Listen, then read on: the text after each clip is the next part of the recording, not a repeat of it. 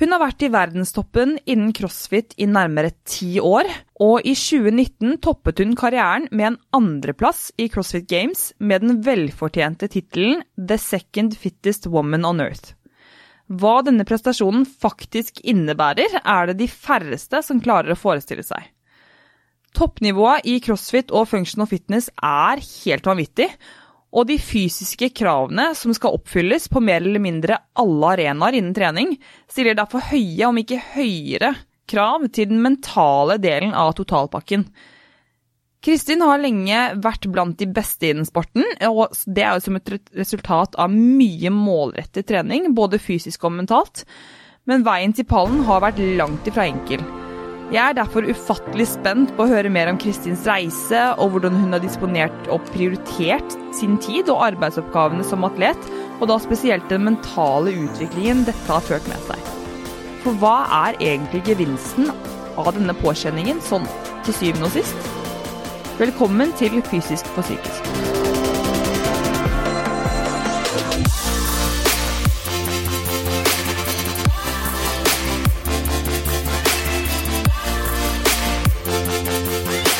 Jeg er så heldig å ha med meg tights.no på laget, som gir meg muligheten til å faktisk kunne lage denne podkasten, og det er jeg så utrolig glad for.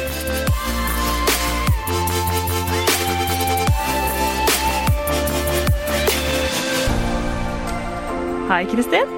Hallo. det er så kult å ha deg på besøk. Tusen takk for at jeg har fått lov til å komme.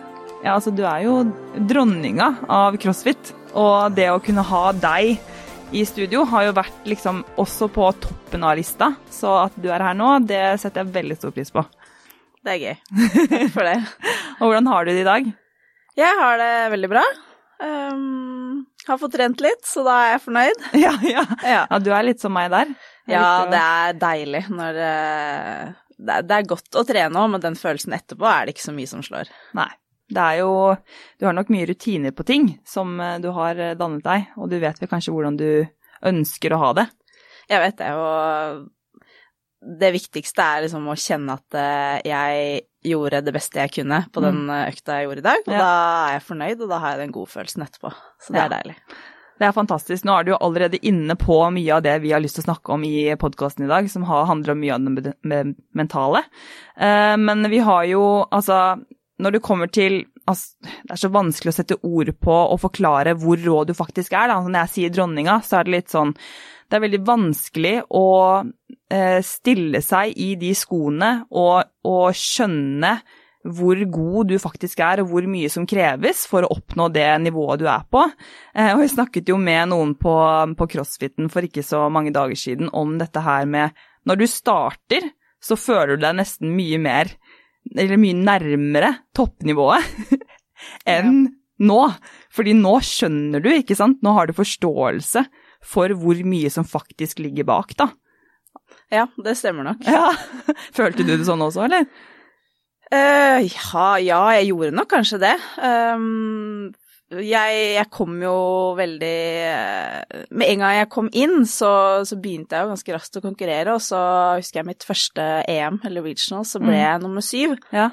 Og da var det topp tre som kvala til games, og da følte jeg at det var jo veldig nære. Ja, ja, ja. Eh, men samtidig, liksom eh, Det å skulle nå toppen, da det har tatt mange år. Ja. Uh, men det tok, uh, tok, ett år å komme seg til EM og bli nummer sju, men det å komme seg videre opp der, mm.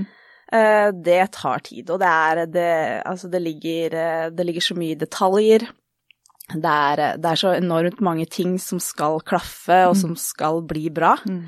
Noe som gjør den sporten som vi driver med, veldig gøy også, da. Ja, ja, ja. Det er jo det er som du sier, det er så mye som ligger bak, og så er det veldig mye som eh, man ikke ser, som jeg har lyst til å komme litt inn på etterpå også, for du er jo kanskje ikke den som, som ønsker å være mest i søkelyset når det kommer til profiler innenfor crossfit, eh, som også er veldig beundringsverdig på veldig mange måter. Men vi har jo eh, det aspektet av at du, som du sier, det er så mye som skal klaffe, det er så mange detaljer, og det er jo det folk jeg spurte på Instagram, hva er det dere vil vite? Og det flest vil vite, er jo med en gang ikke sant? kosthold. Hva mm. spiser Kristin som trener så mye? Ikke sant? Um, trening, motivasjon. Hva, de dagene hun ikke har lyst til å trene, hva gjør hun da?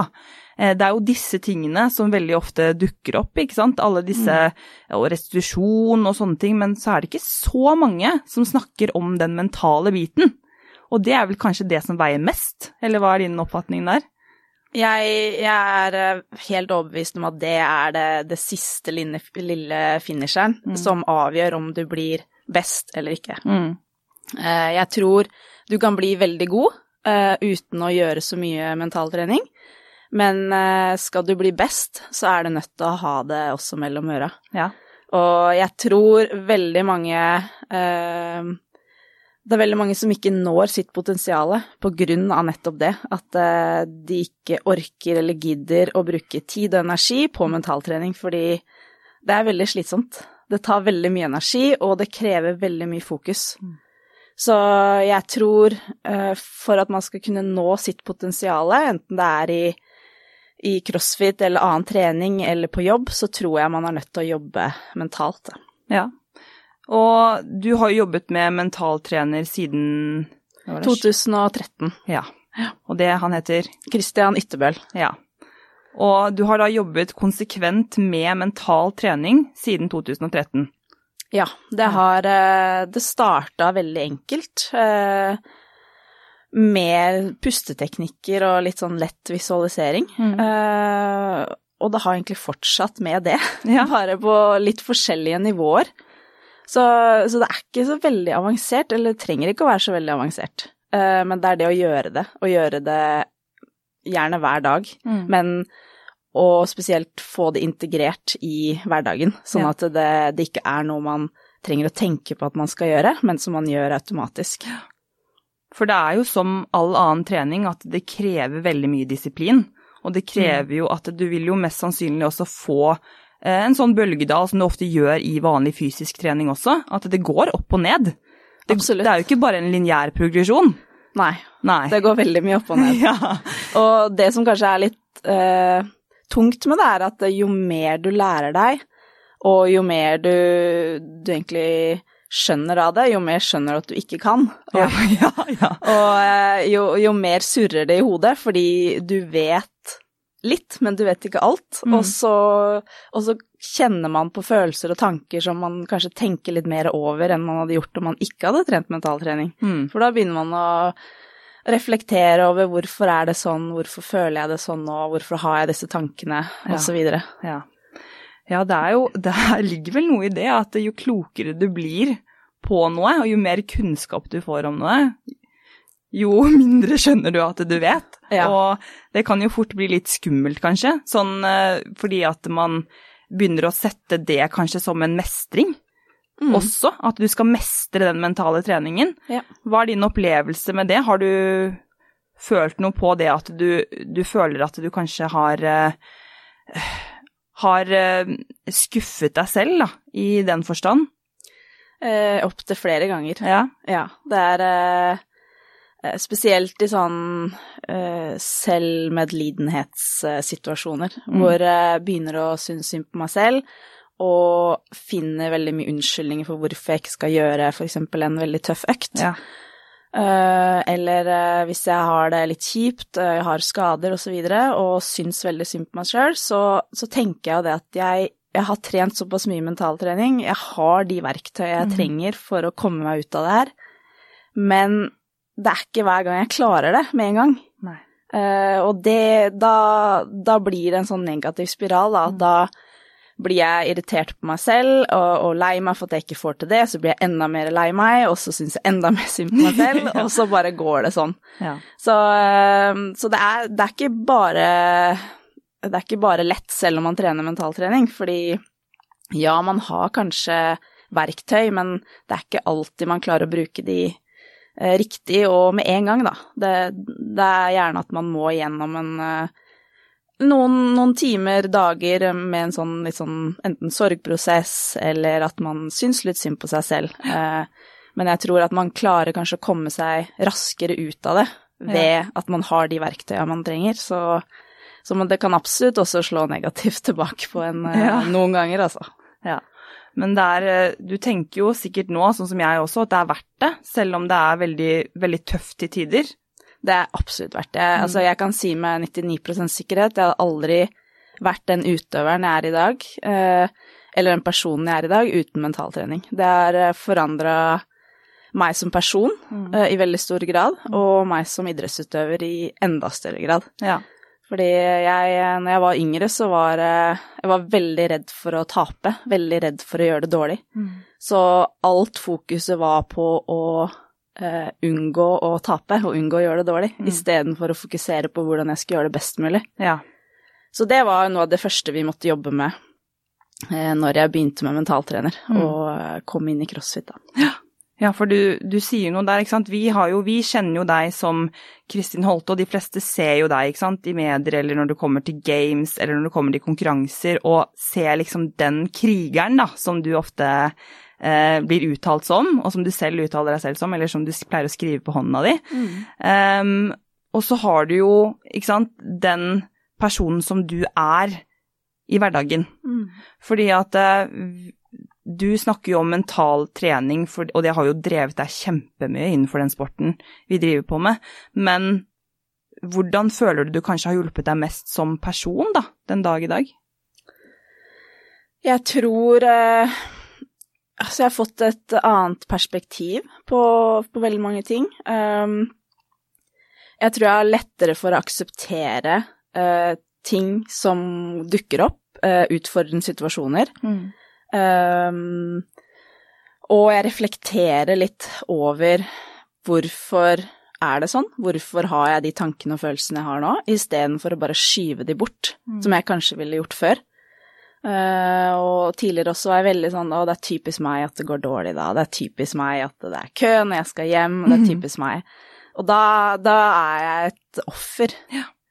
Um, mens det å uh, legge fra seg offerrollen og ta, uh, ta, ansvar og være en aktør i sitt eget liv, det er nok kanskje det som har uh, vært noe av det viktigste for meg. Å, å, ikke gjøre seg selv til et offer når, ting, når kjipe ting skjer, men akseptere det.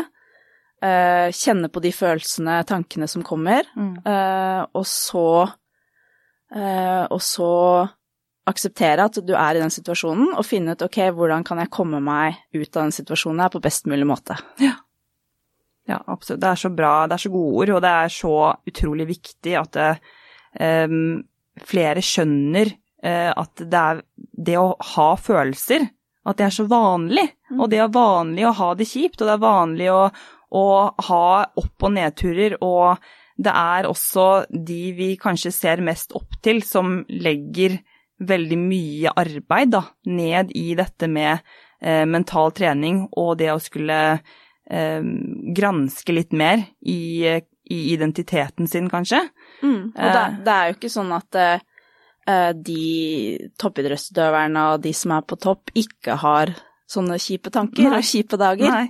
Uh, vi har alle, vi har det. Mm. Uh, alle mennesker har det. Mm. Ellers så ljuger de, tror jeg. Ja, ja. Eh, men man kan selv velge hvordan man vil ha det, og hva man vil gjøre med de tankene og følelsene. Mm. Så der tror jeg kanskje forskjellen ligger da i at man, hvis man har jobba en del mentalt, så mm. har man kanskje noen verktøy sånn at man klarer å, å se situasjonen fra en litt annen måte, kanskje. Ja. ja. for vi snakket jo litt om dette her før, eh, eller sist gang vi hadde en samtale, om eh, det å ikke prøve å bli kvitt eh, følelser og tanker. Mm. Fordi at da blir det enda en sånn, som, jeg sa, som vi snakket litt om i stad, med, med, å skulle eh, Også skulle legge fra seg, og det å skulle skuffe seg selv om og om igjen. Mm. Og det gjør det jo, for det blir en ekstra arena å prestere på. Mm. Det at du skal kvitte deg med noe, det er jo veldig altomfattende. Men hvordan vi håndterer det, er jo kanskje desidert det som vil endre mest av livssituasjonen eller hvordan du lever, da, vil ja, jeg jo tro. Absolutt. Mm. Og det, jeg tror det starter med aksept, da. Mm. Å akseptere at uh, det er noen kjipe følelser som mm. kommer, og mm. tanker. Uh, og så kan vi spørre oss sjøl hvorfor kommer de? Ja. Være litt nysgjerrig på det. Mm. Uh, Istedenfor å prøve å skyve det bort, og så og så kanskje man finner ut av det, kanskje man ikke finner ut av hvorfor det er der, uh, men akseptere at sånn er det nå, mm. og, så, og, så, går vi videre fremover. Ja.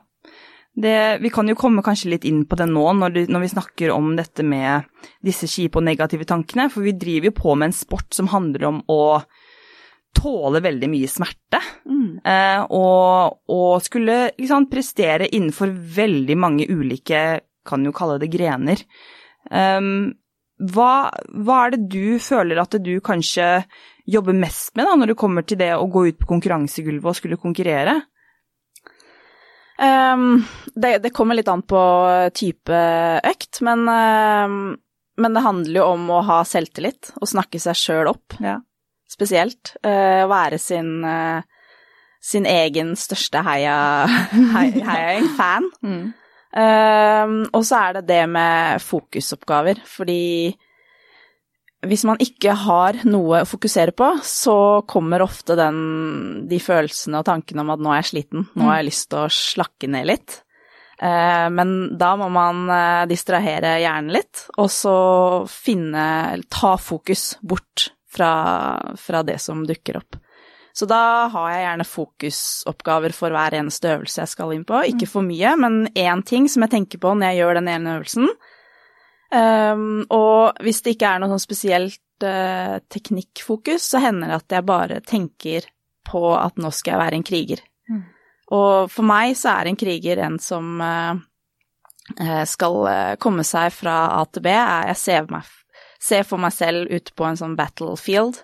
Skal komme meg fra A til B uh, raskest mulig, og jeg vet at det vil være hindringer og mm. utfordringer underveis, men det er ingenting som kan stoppe meg på veien. Så jeg må, eh, må, forbi, og jeg må på en måte kjempe mot de utfordringene som, eh, eh, som kommer. Men jeg skal komme meg gjennom det og stå seirende tilbake på, på punkt B når jeg er ferdig. Og, og, da vil jeg kjenne den gode følelsen av at jeg har gitt mitt absolutt beste, og det er bra nok. Uansett, hvilk, uansett hvilken plassering jeg får. Jeg sitter her med gåsehud, fordi at uh, jeg kjenner jo at det, det, blir jo så filosofisk sånn når det kommer til uh, Dette her er jo bare en forklaring på livet generelt. Kanskje ja. hvordan du håndterer livet generelt, og hvordan du ser på det. Ja, det kan egentlig være det. Ja. ja. Det, er, eh, det, er, det å være en kriger i sitt eget liv. Ja. Det tror jeg er veldig viktig. At du har disse hindringene, disse utfordringene, og du har fokuspunkter på veien, mm. og ting du skal tenke på. Og så er det jo da disse negative tankene som kanskje dukker opp underveis. Og hva mm. sier du til deg selv da? Uh, jeg Tidligere så, så, prøvde jeg nok å skyve de bort. Mm.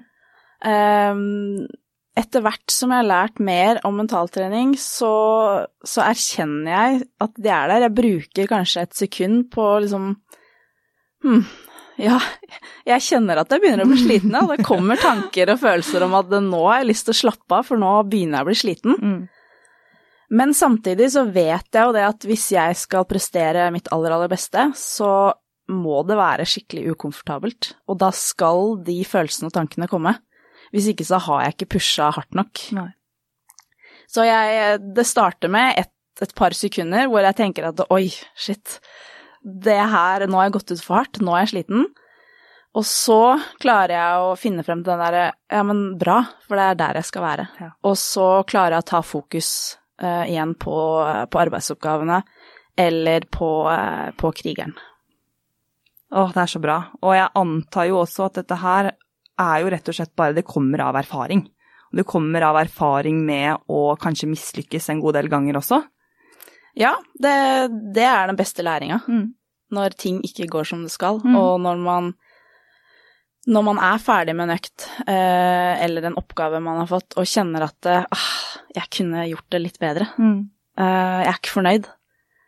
Og det er da man lærer aller mest, fordi jeg har erfart at de gangene alt går som det skal, så lærer jeg jo ingenting. Nei. Det husker jeg jo nesten ikke. Nei.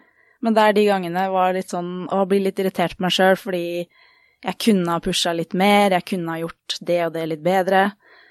Uh, det husker jeg veldig godt til neste gang, mm. fordi jeg prøver jo å bli så god som mulig. Mm. Og da er det de små detaljene som er veldig viktige.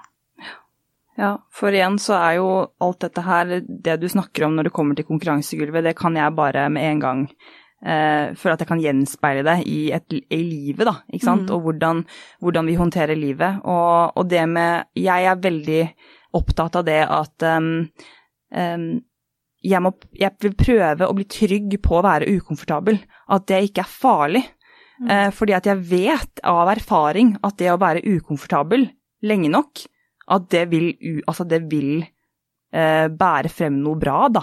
Og det vil Mm. bære frem noe enda bedre, selv om det kanskje er kjipere perioder, at du kanskje lærer enda mer eh, etter de hendelsene eller situasjonene. Ja, jeg tror veldig mange har godt av å eh, gå ut av komfortsonen sin mye oftere enn det man gjør. Eh, Det er litt sånn kjipt, det er litt tøft, fordi man liker å gjøre de tinga som man er god på, og de som man føler man har kontroll over. Mm. Um, der er vi liksom inne på det kontroll, da. Jeg, jeg er veldig sånn Jeg liker å ha kontroll. Ja, ja. Jeg liker å ha kontroll på alt jeg gjør, Mm. og vite hva jeg skal gjøre, og sånn at ting er forutsi forutsigbare. Men um, jeg kjenner også at uh, ofte så så tenker jeg at åh, jeg skulle ønske at jeg kunne pusha meg litt mer utafor komfortsonen min og gjort ting som jeg ikke har så veldig lyst til. Mm. Så jeg prøver jo å gjøre det innimellom, men, eh, men jeg, jeg burde nok gjort det enda mer. Fordi det er det man eh, Det er der man blir bedre, da. Og der man liksom utforsker sine eh, og sine grenser, og, og man sprenger gren innbilte grenser. Mm. At man er Man får til mye mer enn det man tror. Mm. Eh, men hvis man aldri prøver, så vet man jo ikke det. Nei. Og det er jo så interessant også dette med, med kontroll. Og som du sier, det er veldig bra sagt at det er den forutsigbarheten, da. Og den kan jo jeg også kjenne på. Jeg vil tro også at eh, de som lytter kan kjenne seg igjen i det. At det er det å ha noe forutsigbart, for det føles så trygt. Mm. men er det du For jeg vet jo at det gjør jo ingenting å ha kontroll over visse ting, men det er litt den at vi alltid skal ha kontroll over de tingene vi ikke kan kontrollere. Er Ja. det ikke det? Ja, og det, det, der kom du inn på en annen ting som, eh, som jeg har lært veldig mye av via mentaltrening. Mm. Det er å ha fokus på de tinga du kan gjøre noe med. Mm. Eh, og alt annet er det ikke noe vits i å bruke en kalori på, fordi det er bare unødvendig eh, energibruk Mm. og sløsing med energi. Um, så, så før, eksempel hvis man skal på en konkurranse eller gjøre noe som er, eh, som er litt skummelt, skriv ned hva er det jeg kan eh, Hvordan kan jeg forberede meg, for eksempel? Mm. Hva er det jeg kan forberede meg på? Noen ting kan man ikke forberede seg på. Eh, da må man akseptere at eh, det må man ta der og da. Eh, eventuelt så kan man visualisere ulike scenarioer med ting som kan skje, som kan dukke opp. Worst case kan man jo også visualisere. Så har man liksom vært der hvis det skulle Hvis noe skulle skje da, som er utenfor din kontroll. Ja. Men, eh, men det å ha Bruke energien sin på de tinga man faktisk kan gjøre noe med, tror jeg er veldig viktig, både som en utøver, men eh, i hverdagen generelt. Mm. For da har du jo, og det, det tar jeg absolutt med meg, og så kan jeg skrive under på at eh, der kan jeg også bli flinkere. Um, men når det kommer til ting du kan kontrollere, da, så er jo det Da har du kanskje prøvd å tenke litt over det også. Da er det jo ting som ikke bare omfatter selve eventet eller selve økten du skal gjøre, men det er jo da, som vi var inne på innledningsvis, alle tingene rundt. Så, så eh, kontroll rundt Hvordan ser du på kontroll rundt f.eks. kosthold? Um, altså, jeg kan jo kontrollere akkurat hva jeg spiser Ja. selv. Uh, og jeg vet at mange bruker eh, mye energi på å veie mat og på å liksom være veldig strikt med akkurat hvor mye energi, mye karbohydrat, og fett man får i seg. For meg så er det en av de faktorene som jeg tenker at det er ok å ikke være 100% Ehm, fordi for meg, hvis jeg skal veie maten min hver dag, så blir det et stressmoment. Og det går utover andre ting. Det går utover treninga mi, restitusjonen osv. Uh, så jeg har jo Jeg er jo ernæringsfysiolog, så jeg vet jo sånn cirka hva jeg spiser. Mm. Eh, og jeg, jeg spiser egentlig mer sånn at jeg spiser når jeg er sulten, Mm. og så spiser jeg så mye jeg kan. Mm. Fordi jeg trener såpass mye at eh, problemet mitt er at jeg får ofte ikke i meg nok, Nei. spesielt karbohydrater. Mm. Eh, så jeg prøver å spise så mye karbohydrater som mulig, eh, og, eh, og, også da en del proteiner og fett. Um, og så spiser jeg liksom Altså, det gjør det enkelt, da. Spis når jeg er sulten, spis til jeg er mett, mm. og så gjerne spise litt ekstra her og der. Så jeg lurer meg sjøl til å få inn litt ekstra. Har du noen guilty pleasures? Jeg lurer på. Ja, jeg er veldig glad i smågodt. Ja. Ja, de to. uh, så det kunne jeg gjerne spist flere ganger i uka. Ja. Men uh, jeg, har, har, noen perioder hvor jeg bare Sånn som etter jul nå, så jeg, fikk jeg litt nok av sukker. Okay, ja. Så nå er en liten periode hvor jeg har litt godteristopp. Mm. Vi er flere sammen om det, da. Okay, okay. litt lettere. ja. men ellers så er det gjerne lørdager som er liksom Da begrenser jeg godteri til det. Mm. Det er ikke det at det, det er farlig å spise godteri, men jeg, jeg, kjenner at eh, jeg føler meg ikke like bra etter jeg får i meg mye sukker. Mm. Jeg blir litt sånn fyllesyk ja, av sukker. Det er så sant. Ja, så, så jeg vet jo det at uh, hvis jeg spiser bra mat ellers mm. og legger på litt godteri oppå der, så, så, tror jeg ikke det har noen negativ effekt for min prestasjon. Nei. Men jeg føler meg ikke så bra dagen etterpå, og Nei. da prøver jeg å unngå det. Sånn, mm. I hvert fall i sesong, da. Ja. Fordi da blir det jo en helhetlig kontroll du kanskje har da på restitusjonen, mer ja. eller mindre. Jeg, nok, jeg, har nok mer fokus på det. Mm. Eh, altså, misforstå meg rett, jeg, jeg, har jo fokus på å spise riktig og spise ja, ja. sunn mat, men eh, Det er jo en del av restitusjonen, Det er en del av restitusjonen. Mm. Veldig nøye med søvn. Mm. Eh, prøver å legge meg før ti hver dag, sånn at jeg får minst åtte, åtte og en halv time med søvn. Mm. Elsker å sove. Syns det er helt fantastisk. Ja. og, eh, og, er nøye på å bruke masse tid på oppvarming, på nedvarming før og etter trening. Mm.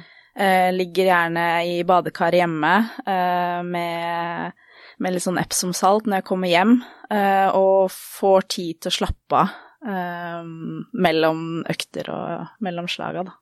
Så ja. det, det for meg er veldig viktig, fordi jeg er ikke 20 år lenger, så jeg kjenner at kroppen trenger hvile og trenger å få restituert mm. optimalt, da. Så jeg tenker at uh, mer trening er nødvendigvis ikke bedre. Det er bedre med god kvalitet på treninga og så mye restitusjon som, som mulig. Ja, som mulig. Det er jo mm.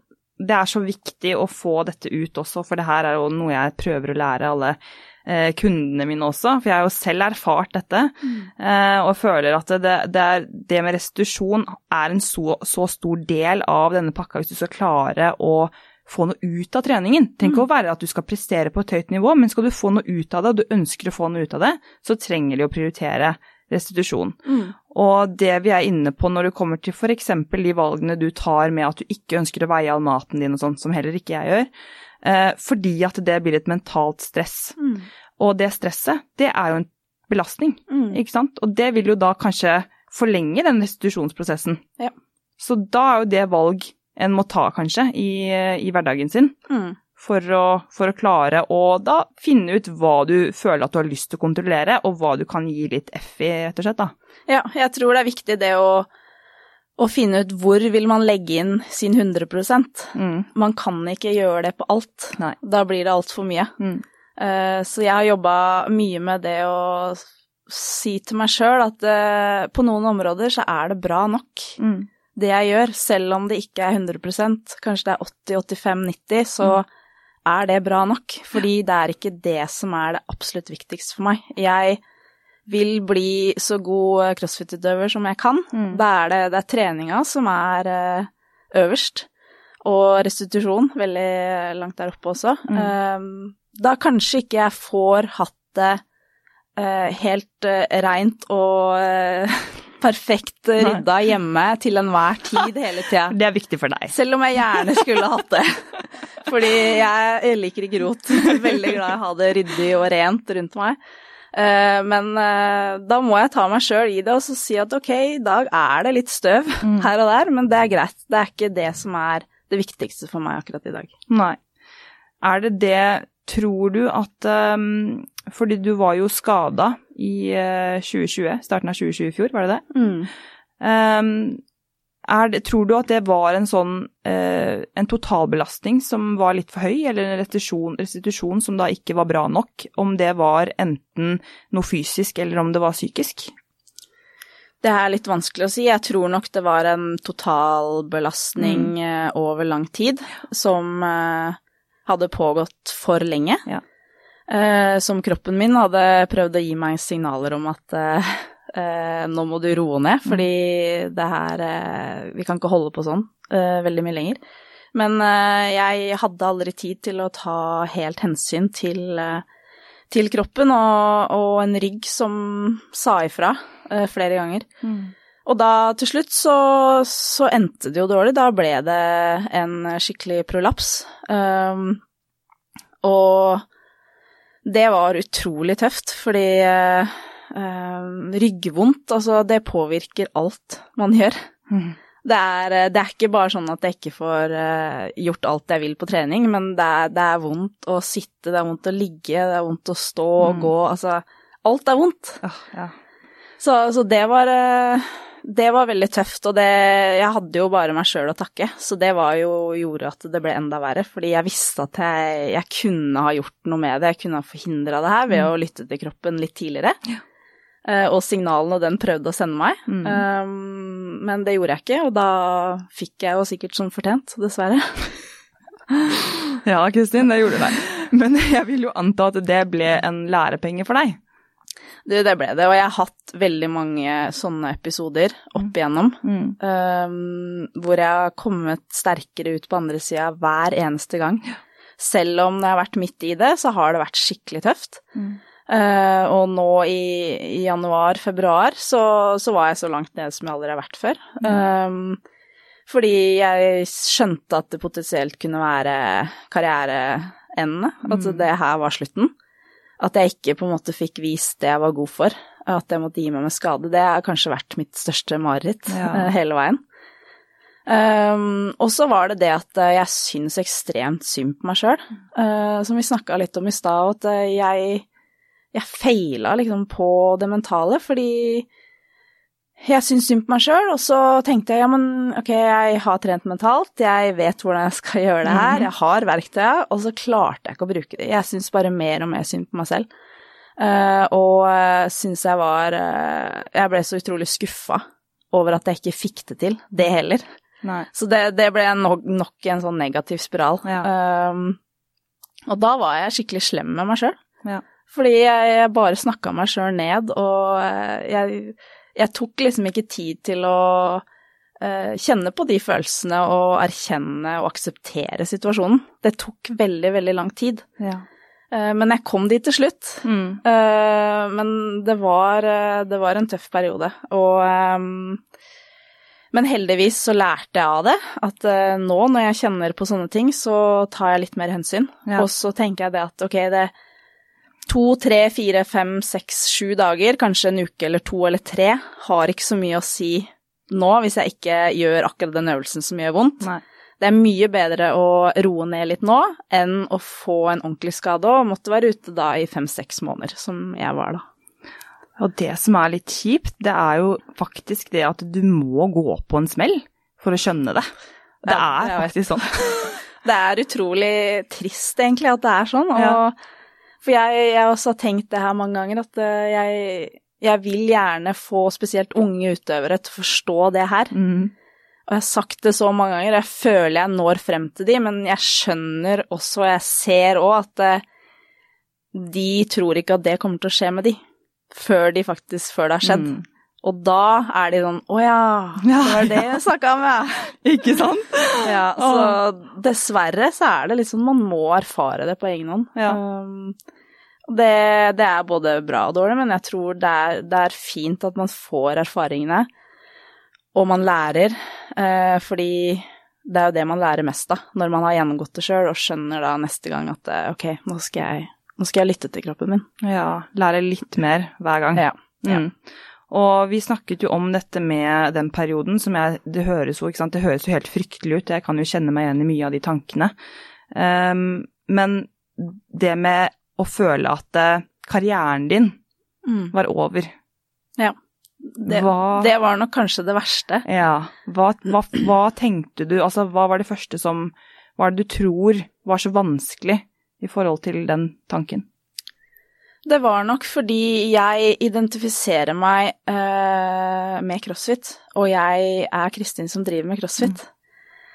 Og så plutselig ble det her tatt bort fra meg. Jeg fikk nesten ikke trent i det hele tatt. Eh, jeg orka ikke å være på crossfit-senteret, fordi jeg orka ikke å se alle andre som gjorde alle de tinga jeg hadde lyst til å gjøre. Så jeg, eh, jeg var stort sett hjemme og syntes synd på meg sjøl og prøvde på en måte å, å komme inn i en rut- slags rutine. Eh, prøvde å finne ut av litt ting, og etter hvert så Altså, jeg, jeg var i en sånn eksistensiell krise, da. Jeg, jeg, jeg visste ikke hvem jeg var. Jeg var litt sånn Altså, alle Veldig mange av mine venner er jo driver med crossfit. Vil de fortsatt være vennene mine, selv om jeg ikke kan konkurrere i crossfit? Ja. Det høres veldig fælt ut, men, Ja, men- det var sånne tanker jeg hadde, da. Mm. At uh, jeg er ingen hvis ikke jeg har crossfit. Og det ble jo Det forsterka seg jo bare, ikke sant, ned i den negative spiralen eh, når alt det her kom i tillegg. Så, så jeg måtte Jeg måtte jobbe med meg sjøl og finne ut av hvem er Kristin uten crossfit. Ja. Og det er jeg faktisk veldig glad for at jeg eh, at jeg ble tvunget til å gjøre. Fordi det kommer en dag da jeg er ferdig å konkurrere, og eh, jeg må ut i verden og gjøre noe annet. Eh, og da tror jeg det er veldig fint å ha tenkt igjennom når det du identifiserer deg med, er borte, hvem er du da? Mm. Eh, hvem er jeg? ja. Eh, Så, så det, det var Jeg brukte mye tid på å tenke gjennom det, og det gjorde nok til slutt at jeg klarte å akseptere situasjonen, og jeg klarte å akseptere at worst case, så er det her slutten, men jeg er fortsatt Kristin. Ja. Eh, og jeg kan fortsatt få til veldig mange ting, selv om jeg kanskje ikke skal prestere på topp i crossfit lenger, da. Så det var kanskje et av de vendepunktene, faktisk, i livet Ja. ditt, da. Ja. Mm. Det var, eh, det var en viktig fordi Altså, jeg har jo tenkt på det her i flere år. Eh, hva skal jeg gjøre når jeg er ferdig å konkurrere? Men jeg har bare skjøvet det foran meg, for jeg har ikke lyst til å ta, ta det opp med meg selv. Nei. For det er veldig skummelt. Mm. Og jeg, jeg kan se for meg det er mange som er i litt samme situasjon nå, med korona, og som er permittert, ja. og som identifiserer seg kanskje i stor grad med jobben sin. Mm. Um, og det jo at kanskje den blir tatt fra dem, at det, det er jo, det er jo liksom traume. Det er veldig, veldig vanskelig, veldig sårt. Og det da å bruke litt tid på å finne ut av um, hvem er jeg, og, og fortelle seg selv også at jeg kommer til å klare meg. Mm. Fordi jeg er meg, og jeg har meg. Ja. Er det noen teknikker der? Altså, det er jo for det første dritbra. Eh, For det andre er det noen teknikker du føler at For jeg har jo vært gjennom eh, det samme. Eh, Og er det noen teknikker du bruker, eller brukte da, for å klare å liksom sette ord på, eller prøve å finne ut av hvem du faktisk er, da, uten crossfiten? Det viktigste var kanskje det med perspektiv. Ja. Å se seg selv om fem år, om ti år, hva har man lyst til å oppnå, Mm. hvor har man lyst til å være, hvilke verdier er viktig for meg. Mm. Uh, og så ser man kanskje andre veier, mulige veier, da, Ja. også gjennom uh, den situasjonen man, uh, man står i, Ja. som leder til kanskje noe som er enda bedre enn der man er i dag. Det er jo mange som spurte om det også, faktisk, på, på Instagram på den spørrerunden om, om verdiene dine. Ja. Og det er jo det er ikke noe du trenger å si hvis du ikke har lyst til å sette ord på det, men i hvert fall jeg merker at det, det har eh, vært et, eh, et sånt eh, eh, veldig viktig, eller en veldig, veldig viktig del av min utvikling har vært å finne ut hva mine faktiske verdier er. Og prøve å snevre det inn til ikke altfor mange, men finne ut liksom akkurat hva mine verdier er. Fordi at eh, hver dag du lever, så lever du mye mer i tråd da, med, med hvem du faktisk er. Ut, altså ikke basert på hva du presterer eller hva du gjør, Nei. men basert på hvem du ønsker å være, hva du liker å gjøre, og hvem du, hvem du vil se tilbake på Mm. om fem til ti år, da. Ja. Ikke sant? At, eh, og hvem du vil se frem til. Altså hvem er det jeg har lyst til å være Mm. om ti år? Ja, det tror jeg er viktig, og Jeg tror det er viktig at man kjenner at man har det bra med seg selv, eh, og at man um, får vist Å huske på hvordan man har lyst til å fremstå mm. overfor andre, ja. og hvordan man har lyst til å fremstå for seg selv. Hvis man ser frem fem år, da, mm. og så ser tilbake på seg selv uh, i dag. Mm. Hvordan har jeg lyst til å se at jeg var uh, i dag? Mm. Det, det, kan nok være gode, en god måte å, å, jobbe seg litt gjennom det på. Ja. Jeg tror eh, Var det Er det noe som har endret seg sånn drastisk etter den skaden? Eh, sånn som den du er i dag, da, hvordan rutinene dine er kanskje, eller hvordan du eh, Hvor mye fokus du har på treningen eller på konkurranse, eller Jeg eh, Jeg setter nok mer pris på eh, at jeg får lov til å gjøre det jeg gjør, og enda mer pris på at jeg har en frisk kropp. Mm. Um, og når det er kjipe økter som jeg ikke egentlig har lyst til å gjøre, så, så kommer det alltid de tankene om at åh, finne på unnskyldning hvorfor jeg ikke skal gjøre det. Men så kommer det ganske fort tilbake til husk hvordan det var for et år siden. Mm. Uh, da, da, var du hjemme, satt i sofaen og gråt, du syntes så synd på deg sjøl og trodde at det her var over. Uh, og det eneste jeg hadde lyst til å gjøre da, var å løfte og, og trene hardt. Så det, det, tror jeg er liksom viktig å huske på da, uh, når man har vært i de dypeste dalene. Hva er det man egentlig har mest lyst til da? Mm. Og så, når jeg har kommet dit jeg er i dag, så har jeg muligheten til å gjøre det. Da må jeg faktisk sette pris på det. Mm. Uh, og, og være, være, i det og kjenne på det. Kjenne på syra når den kommer i beina. Mm. og være litt sånn uh, Ikke vær redd for at det kommer, men vær litt sånn der tøff i trynet og så kjenne litt på Bare kom, fordi jeg skal, jeg skal, klare det her uansett. Det er ingenting som får stoppe meg. Så, så det er nok det at jeg eh, Jeg vet at det kommer eh, At det, det, går opp og ned, da, både i livet generelt og, og som utøver i treninga. Mm. Men jeg har fortsatt det gode å ikke komme sterkere ut på den andre sida. Ja. Og, og, det er noe som jeg, som jeg husker når, de dagene hvor jeg kjenner at jeg har vondt noe sted, har fått nye skader, ting mm. går kjipt nå med nedst, nye nedstengninger, korona, lockdown. Det går over. Mm. Eh, og man kan velge hvordan eh, man vil komme seg gjennom det. Og eh, hvis man gjør det på riktig måten, så kommer man seg ut sterkere på den andre siden, uansett. Ja. Gode ord å ta med seg fra Kristin Holte. Det tror jeg er veldig fint, i hvert fall. Men sånn, sånn som jeg ser på det Altså, hvor er det du ser deg selv da, om fem til ti år? Fordi noe jeg vil si, det er jo at når du snakker nå, at jeg føler jo at du kanskje er litt Altså, du er jo en trening er jo en del av deg. Mm. Jeg tror du, du kommer altså Nå skal ikke jeg legge ord i munnen på deg, men sånn som, sånn som jeg ser deg, så kan vi jo se om dette er riktig, at du kommer til å pushe på trening uansett om du ikke konkurrerer. Ja, ja. Det kan vi nok si. at du er en kriger? Ja, jeg er litt, alltid vært litt sånn at uh, jeg går ikke hjem fra trening hvis ikke jeg er daudsliten. Nei. Fordi da føler jeg ikke at jeg har trent. uh, jeg liker å ta meg helt ut og kjenne at, uh, kjenne at jeg lever og kjenne at jeg har pusha hardt. Mm. Da er jeg liksom ferdig mm. med å trene. Mm. Så det kommer jeg alltid til å gjøre. Jeg kommer alltid til å drive med crossfit i en eller annen mm. form. Um, så får vi se. Det jeg har ikke planene helt klare enda, men jeg, jeg, kommer til å være i miljøet og kommer til å Altså, jeg har veldig lyst til å følge opp noen yngre utøvere også, og på en måte lære, eller gi litt av det jeg har opplevd, da, mm. og av min kunnskap, sånn at kanskje de kan komme litt lettere til noen ting. Ja. fordi jeg måtte måtte vært igjennom veldig mye som vi har prøvd og feila litt, og så har jeg erfart veldig mye hva som funker, hva som ikke funker.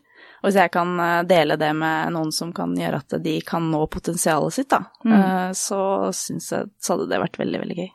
Ja, det hadde jo vært helt rått. Altså, hvis du noen som kan få jobbet med deg og deg som mentor, så ja takk. Men eh, altså, det er jo så bra, og jeg tenker også veldig Jeg prøver i hvert fall å være veldig nøye med å si at jeg har jo en, en tanke og kanskje et ønske hvor jeg ønsker å være, altså, eller hvor jeg er om fem år eller ti år, men trenger ikke å ha alle planene klare. Nei, det er veldig, veldig bra, det du sier der. Ja. Eh, det, var, det var, føltes som du sa det til meg, fordi ja. jeg er veldig planleggingsmenneske. Jeg elsker å planlegge.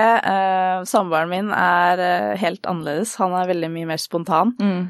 Jeg skulle ønske jeg var litt mer sånn, vel noen ganger. Mm. Eh, men det er veldig bra at noen planlegger også. Ja, ja, det er sant.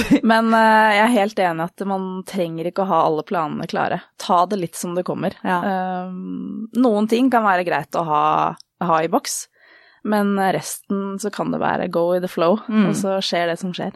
For det er så mange muligheter som dukker opp underveis, ikke sant. Og mm. hvis du vet disse verdiene som du har satt til grunn, da, mm. så vet du jo mest sannsynlig også hva du ønsker å drive på med på et eller annet plan. Mm. Men du trenger ikke å ha en konkret plan på, på, hva det skal være. Men uh, jeg syns jo det er, det er jo veldig interessant. Altså hele, hele din historie som utøver og som altså person er jo ekstremt interessant. Og du er jo du er jo en så lidenskapelig sjel, og du er en så fascinerende Altså et fascinerende menneske, da. Og, men du har jo ikke vært, som jeg, som jeg sa liksom litt i starten, du har jo ikke vært veldig mye i søkelyset. Jeg vil jo mm. anta, eller jeg vil jo tro at det har vært et bevisst valg. Eh, for å være helt ærlig, så kunne jeg ønske at jeg bare kunne trene og prestere, mm. og det var det. Ja. Uh, jeg liker å vise hva jeg kan ute på konkurransegulvet. Da blir jeg liksom Jeg blir en litt annen person. Mm. Uh, det er veldig rart, fordi jeg føler at jeg var et helt annet menneske, en helt annen person før crossfit. Uh, og jeg er en litt annen person utafor konkurransegulvet, men når vi kommer inn i arenaen, så er det som om et eller annet bare klikker inn i hodet mitt, og mm. så og så blir jeg, eh, blir jeg en helt annen uh, person som jeg trodde Som jeg ikke trodde at jeg skulle få se da, av meg sjøl. ja. Men uh, får litt sånn djevelen i meg, og mm. krigeren kommer frem, og mm. tigeren er der, og altså alt bare alt. samler seg. jungel, jungel. Ja, det er det. Ja. Uh, og jeg har hatt noen sånne ut av meg sjæl-opplevelser på gulvet, hvor jeg bare har fullført og så tenkt wow, hva skjedde der? Uh, og det er de følelsene jeg jakter på, da, fordi det er en helt fantastisk følelse når du bare starter, og så, og så skjer det bare. Ja, for fordi, det er jo hvorfor. Ja. Mm. Det er jo hvorfor du trener, uh, og ja. hvorfor du faktisk er på det toppnivået som du er på. Mm. Uh, og hvis du bare kunne drevet med det mm. uten å måtte ta hensyn til sosiale medier mm. og alle de andre tingene som er rundt, mm. Eh, men er det Men, men altså, nå skal jo det sies, jeg hadde jo ikke kunnet drive med det på fulltid, hadde det ikke vært for Nei, sosiale medier og, og, mm. det rundt. Mm. Så er jeg ekstremt takknemlig for at, uh, at, crossfit er en sånn sport som er veldig stort i sosiale medier. Mm. Um, og at det er veldig gode muligheter for sponsorer og gode samarbeidspartnere. Eh, så, så, sånn sett så er det veldig bra at uh, det er en del av det. Men uh, for meg så er jo det viktigste det å, å trene og jobbe for å bli bedre. Mm. Så, så, det er jo det jeg kjenner at det, det er jo det jeg legger min 100% i. Mm. Så da må de andre tinga Det får bli bra nok, da. 80% kanskje. Men mm. det får være greit. Jeg syns det er sykt mye står så stor respekt av eh, deg som, som, utøver og som menneske også, fordi at jeg føler at det kommer frem, da. Bare ved hva du legger ut, og at det ikke er ditt hovedfokus, men vi vet alle at det er en del av gamet. Mm. Men at vi vet hvor mye Altså, du har jo liksom dette isberget, altså hele det svære isberget som ligger under overflaten, ikke sant, som mm. vi ikke får se. Mm. Men så har du disse som er veldig transparente, da, som ikke sant, Sara Sigmundsdottir og sånn spesielt, føler jeg, eh, hvor det er veldig mye. Og da blir det veldig sånn um, Når jeg ser henne, så tenker jeg at du skaper jo, du danner jo også masse forventninger, da. Mm. Og det kan jo kanskje være en sånn mental knekk for henne også, at hun egentlig ikke tenker over det, men hun er jo til stede i alle mulige eh, altså ting på YouTube og stiller opp i det meste, føler jeg. Og mm. hun er jo da veldig liksom i søkelyset og veldig eksponert hele tiden.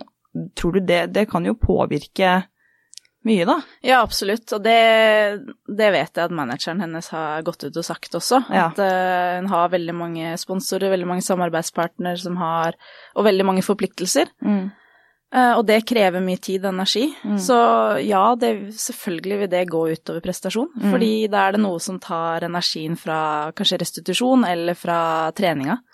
Så det er en sånn fin balansegang der, å, ja. finne de riktige samarbeidspartnerne som, som eh, Sånn at man har et veldig bra gjensidig samarbeid. At mm. uh, sponsoren forstår situasjonen din, uh, hva som er hovedfokus.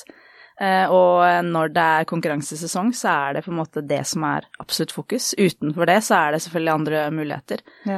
Men der har jeg vært veldig heldig og er utrolig stolt av de samarbeidspartnerne jeg har som lar meg få gjøre det som er det viktigste for meg. Mm. Så ja. Det setter jeg veldig pris på. Fordi da har jo eh, Det som er så bra, da, at da har jo du funnet ut av hva som er viktig mm. for deg. Og så bare tenker du at det skal være bra nok. Ja. Og det er litt den, eller kanskje litt den, eh, eh hva skal vi kalle det, mottoet ditt. Mm. At det, du skal være Det er bra nok. Ja, eller jeg kan ikke si at det var mottoet mitt, fordi ja, er, det er veldig sånn svart-hvitt for meg. Ja. Enten så er det kjempebra, eller så er det dårlig. Ja. Eh, så det her er noe jeg jobba med det siste året, egentlig. Det å si til meg sjøl at ok, eh, noen ganger så er det midt imellom, mm. og det er, det er, bra nok i dag. Ja. ja. Så det, det, tror jeg er litt viktig. Som idrettsutøver så er det gjerne sånn. Enten så vinner du, eller så taper du. Eller så har du gjort ditt beste, eller så har du ikke gjort ditt beste. Ja. Eh, men det fins veldig mye mellom der også, som mm som det kan være greit å, å kjenne litt på og huske på innimellom. Ja. Dette er jo da mentale verktøy som du, som du har tatt med deg, da, og tatt med deg kanskje fra det jeg kaller vendepunktet i 2020, med skaden? Ja, det er altså, noe jeg har tatt med derfra. Ja. Mm. Um, og det er jo Det er jo så mange ting jeg føler at jeg bare kan eh, vil bare skrive ned på lapper, og så bare legger jeg det opp i en boks, og så kan jeg bare ta det ut altså, etter den samtalen her, bare sånn at jeg husker å minne meg selv på dette. Men er det, er det noe konkret da, som du føler at du, en utfordring du kan gi til uh, lytterne? Um, jeg har egentlig mange utfordringer, men uh, vi får velge én, da. Ja, ja, ja. uh, det som jeg tenker hadde vært gøy å utfordre på, er uh, for eksempel neste uke eller denne uka her, eh, velge ut én eh, treningsøkt du skal gjøre. Eh, bruk litt ekstra tid på forhånd til å planlegge den økta. Mm. lage en plan for hvordan man skal dele opp repetisjonene hvis det er mange repetisjoner. Mm. hvis man skal ut og løpe, legge en plan for hvor man skal løpe. jobbe med det med visualisering, mm. sånn at man, hvis du skal ut og løpe f.eks., se for deg at du løper den løypa du skal løpe. Mm. Uh, gå gjennom inni hodet ditt akkurat den økta du skal gjøre, hele økta. Mm. Det er litt kjedelig, og det tar litt lang tid, men det er absolutt verdt det når du kommer inn i økta. Uh, skriv ned fokuspunktene dine, og så lag gjerne triggerord. Uh, eller noe som gjør at uh, du husker på underveis når du begynner å bli sliten, mm. hvorfor du gjør det her. Mm. Og som kan gi deg litt ekstra sånn boost. Mm. Um, det er superbra. Altså det, det, det, siste også, hvorfor. Altså at alle finner sitt eget hvorfor. Ja. Det vil jo diktere hva du faktisk gidder å gjøre på den økta også, ikke ja. sant? Ja. Og så vil jeg også uh, utfordre da til å, når man er ferdig, så evaluere. EBI, uh, eh, nei, WWW, what went well. Ja. Hva var bra? Mm. Begynner alltid med det bra. Mm. Og så eh, EBI, even better if. Hva kunne vært bedre? Ja. Hva kan bli bedre til neste gang? Nydelig. Og jeg tenker, altså, det her er jo en veldig fin oppsummering og avslutning på denne episoden. Eh, her er det jo masse knowledge bombs å ta med seg, og mye, eh, mye takket være altså, den du er som person. Da. Du er så jordnær, og du er så du er så menneskelig, og jeg tror det er veldig viktig at folk vet det, men så er du også så jævlig rå. Eh, og, og, jeg syns jo det er veldig Jeg setter jo veldig stor pris på å kunne, kunne trene litt ved siden av deg hvis jeg vil. Um, um, bare ved siden av, altså. men, uh, men uh, jeg syns um, det er viktig å ha forbilder som deg. Uh, og det vil jeg, tror jeg kan på vegne av veldig mange takke for. At uh, du er et så bra forbilde. Tusen takk, det er veldig hyggelig å høre. Og så gleder vi oss da til å se hva som skjer eh, videre nå med koronapandemien og alt mulig i forhold til konkurranser. Jeg vet ikke om du har noe konkurranse du ser frem til nå, eller skal være med på? Skal du være med på Open? Jeg skal være med på Open, ja. Ja. Um, så det blir jo et spennende år. Håper at det blir litt mer live-konkurranser enn i 2020. Men uh, det blir det det blir, så vi får forberede oss på, på både online og live, og så ta det som kommer. Men uh, jeg, tror det blir, jeg tror det blir et bra år, jeg. Ja. Det satser vi på. Tusen hjertelig takk, og jeg gleder meg til å følge med videre. Tusen takk for meg. Og så må jeg si til deg der hjemme at du må huske å være snill med deg selv. Ha det bra!